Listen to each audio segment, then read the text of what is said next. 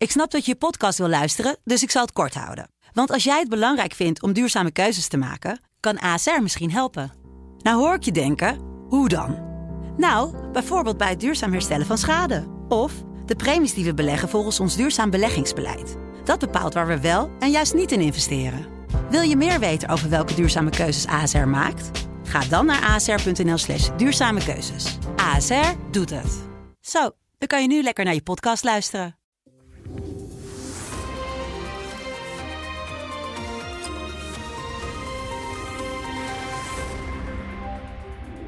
Welkom bij het gesprek met Paul Jansen, de hoofdredacteur van de Telegraaf, waarmee we wekelijks doornemen wat hem bezighoudt in het nieuws. Paul, welkom. Afgelopen dinsdag werden we verrast door een uitspraak van de voorzieningenrechter in uh, Den Haag.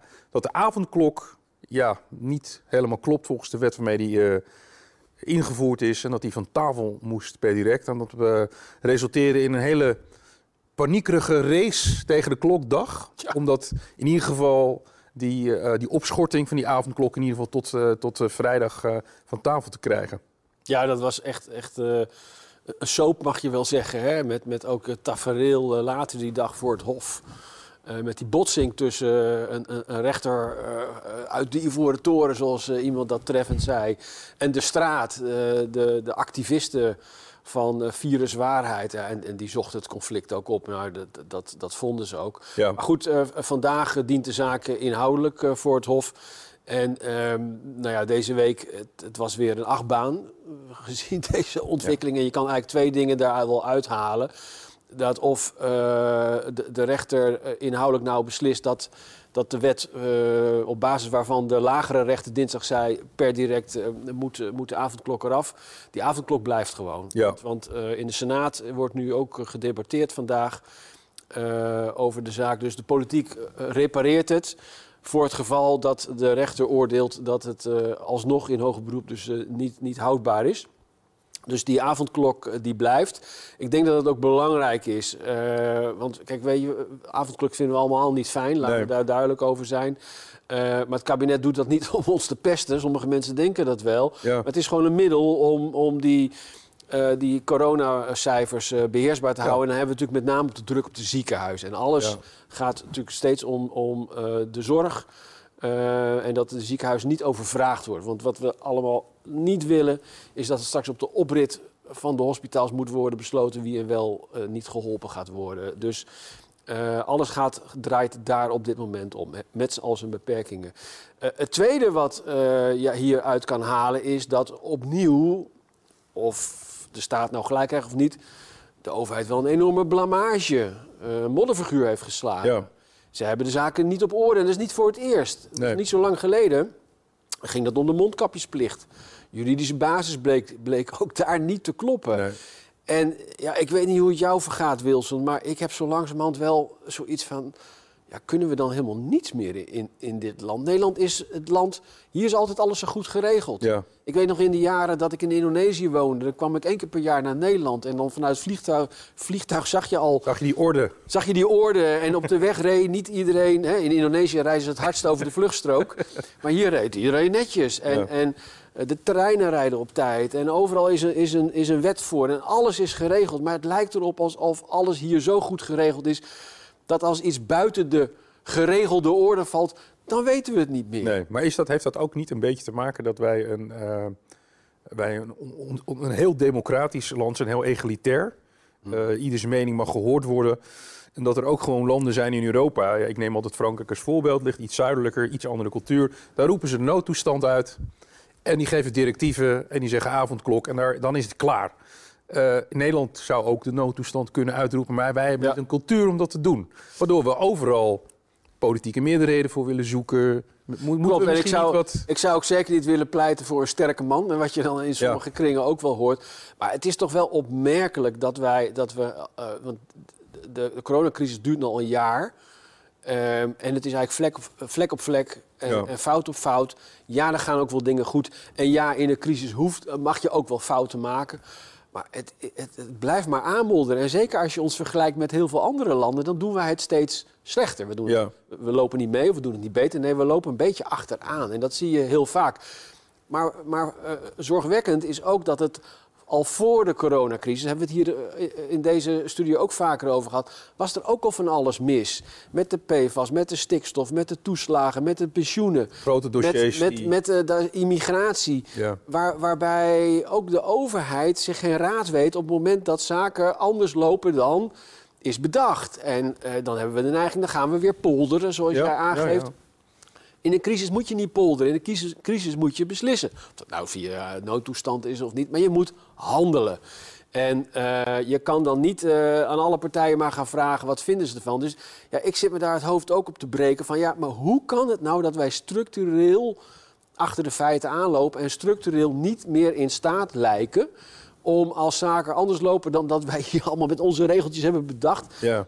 ja, dan loopt het gewoon in de soep. En hoe kan dat nou? Ja, dan kom je toch denk ik uit bij dat, dat omdat alles zo goed geregeld is, is ook heel veel verantwoordelijkheid bij heel veel partijen neergelegd. En jij weet ook waar, ve- waar velen verantwoordelijk zijn, Ja. is eigenlijk niemand verantwoordelijk en neemt ook niemand de regie. En dat zie je nu in die coronacrisis, maar dat zag je eerder ook al. Ik moet tegelijkertijd ook zeggen, ik heb in al die jaren dat ik in Den Haag rond heb gelopen en, en, en de, de kabinetten heb gezien en, en de beleidsmakers heb gezien. Het niveau, het niveau van bestuurders, eh, eh, Rutte doet het uitstekend, eh, dat, dat moeten we wel toegeven. Maar het niveau van veel bestuurders is wel erg mager. Ja. Erg mager. En eh, ik vind dat zorgelijk. En ook vroeger had je dan de vierde macht, de ambtena ambtenarij die eh, de, de zaak dan vaak op het spoor hield of in de rails hield. Het werkt op de een of andere manier Nee. onvoldoende. En ehm, ik, ik vind het wel belangrijk dat we, dat we als we vooruitkijken... ehm, kijk, we, we struikelen nu een beetje van ongeluk naar ongeluk. Ja. Dat we ook wel kijken van ja, welke lessen kunnen we hier nou uit leren. En ik pleit helemaal niet voor een great reset. Hè, daar hoor je ook allerlei dingen Ja. over. Maar ik word wel een beetje moe van, van de onnodige schade. Eh, kijk, dat een coronacrisis en andere crisissen schade aanrichten, dat is onvermijdelijk. Maar je ziet nu keer op keer dat er onnodig schade wordt aangericht, omdat er niet adequaat wordt opgetreden. En ik zie eigenlijk in de hele coronacrisis, we zijn nu een jaar bezig, alles is nu eh, gezet op, eh, op vaccineren. En vaccineren moet ons het licht aan het Ja. eind van de tunnel geven. En dat gaat dan ook mondjesmaat of met stroperigheid. Eh, Ik heb uitgerekend, wij hebben elke dag melden wij hoeveel mensen gevaccineerd zijn. We zijn eh, nog zijn een beetje aan het inlopen overigens. heel klein beetje, maar op dit tempo duurt het toch nog steeds, voor alle mensen boven de 18 heb ik het dan over, duurt het nog een jaar. We zijn Ja. vanaf nu nog een jaar bezig. Helemaal niks, niks na de zomer. We zijn nog op dit tempo. Zijn we nog een jaar bezig voordat eh, de mensen boven de 18 eh, gevaccineerd zijn? En dan hoor je weer de verhalen over mutaties en dan zou het vaccin wel of niet tegen helpen. Dus je moet ook op een gegeven moment als overheid over andere scenario's gaan nadenken. Want je kan niet jaar in, jaar uit Nee. in zo'n situatie blijven zitten, want dan gaat de hele maatschappij kapot. Maar als we kijken naar de verkiezingen, een beetje afrondend, dan zien we dat het, eh, ja, dat het palet van verschillende partijen alleen maar groter wordt. Twee zeteltjes hier, drie zeteltjes daar. De, de, het, het, het, ja, dat politieke midden, dat wordt natuurlijk steeds kleiner voor zover het nog bestaat. Dat belooft eigenlijk niet zoveel goeds. Nou, eh, anderzijds, de VVD staat nu in de peilingen heel hoog, maar je hebt gelijk om een coalitie te vormen. Kijk, eh, vroeger werd er gedacht, dan heb ik het niet echt over vroeger in de jaren 80, maar t- 10, 15 jaar geleden, toen werd er gedacht eh, een coalitie met een meerderheid in de Tweede en Eerste Kamer. Dat is al helemaal van tafel. Er moet sowieso in de Eerste Kamer eh, onderhandeld worden met, met bijna elke regering of elke coalitie die nu verzit. Want Ja. Niemand is meer groot genoeg in beide, in beide kamers.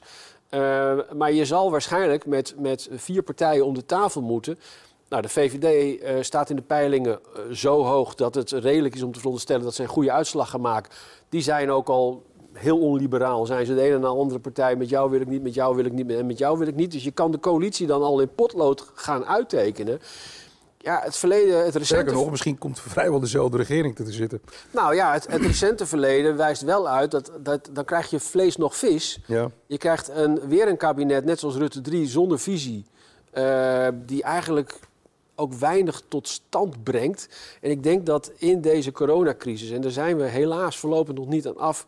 Dat je, dat je juist moet ophouden met polderen en weer overal water bij de wijn moet doen. En dat je, dat je gewoon moet doorpakken. En eh, ik, ik vrees dat de uitkomst van, van de gebeurtenissen van deze week Waarbij het, toch een blamage weer is voor de overheid. Ongeacht wat er, wat er verder juridisch wordt Wat de rechter ook beslist. Wat de rechter ook beslist. beslist dat, dat er, ik, ik vrees dat weer de lessen daarvan niet worden geleerd door op een gegeven moment te zeggen...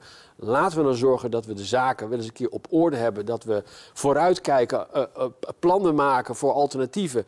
Eh, en ook perspectief bieden. Hè. Dat is de hele tijd het probleem, is er is zo weinig perspectief. Want anders is het ook na verkiezingen met een ander kabinet in deze situatie... Ja, het wordt gewoon onbeheersbaar. En dat is toch het laatste wat we met z'n allen zouden moeten willen. Dankjewel. Graag gedaan.